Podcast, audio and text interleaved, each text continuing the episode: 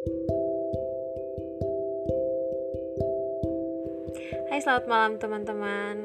Kali ini ini adalah first time setelah aku perkenalan diri tadi.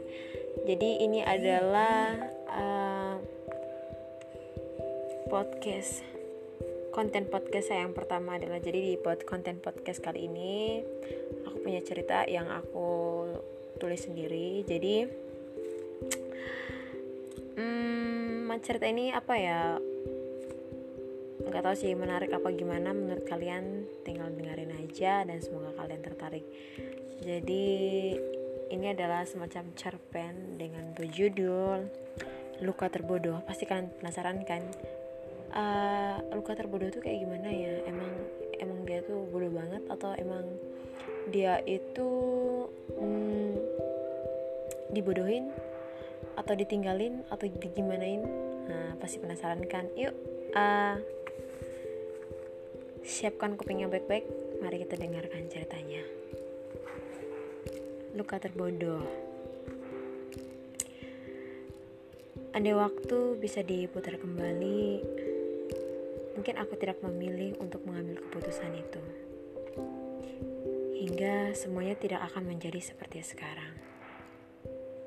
Namun, jalan takdir kadang selalu tidak bersahabat dengan keinginan kita biar bagaimanapun penyesalan tak akan mengubah cerita masa lalu. Menggambar takdir seperti meramal arti bunga tidur yang sangat sulit untuk dideskripsikan. Takdir adalah suatu hal yang sangat misterius dan menakutkan bagiku. Membayangkan aku seperti apa, bagaimana, dan menjadi siapa di masa depan selalu menjadi suatu tanda tanya yang selalu menghantui derap langkahku. Seperti hari ini, aku menjadi satu-satunya wanita paling cantik di dunia.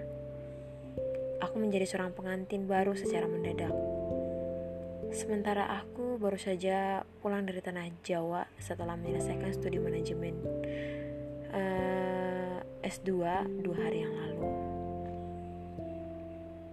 Hiasan wajah yang melukis setiap lekukan wajahku membuat aku tampak ayu, ditambah dengan gaun putih yang melekati lekukan tubuhku, menambah kesan anggun.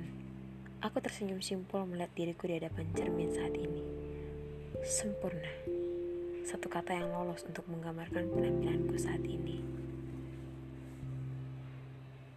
Aku masih belum menyangka bahwa hari ini aku akan menikah dengan seorang lelaki yang merupakan bagian dari keluargaku sendiri. Namanya Rian, yang akan menjadi suamiku beberapa menit lagi. Di hadapan kedua belah pihak keluarga dan di hadapan pastor menjadi saksi, kami berdua mengikat janji suci untuk sehidup semati hingga maut memisahkan. Saya, Gracielina Melati, menerima engkau Riando Putra untuk menjadi suamiku dalam sedih, suka duka dan bahagia, dalam sakit ataupun sehat, berjanji untuk setia menjadi istrimu hingga maut memisahkan. Begitulah janji yang kita ikrarkan pada hari itu, diiringi tepuk tangan dan tangis bahagia dari kedua pelupuk mataku. Akhirnya, hari itu juga kami sah menjadi sepasang suami istri, dan tentu saja aku bukan lagi seorang selen gadis lajang, dari sinilah kisah baruku mulai berawal.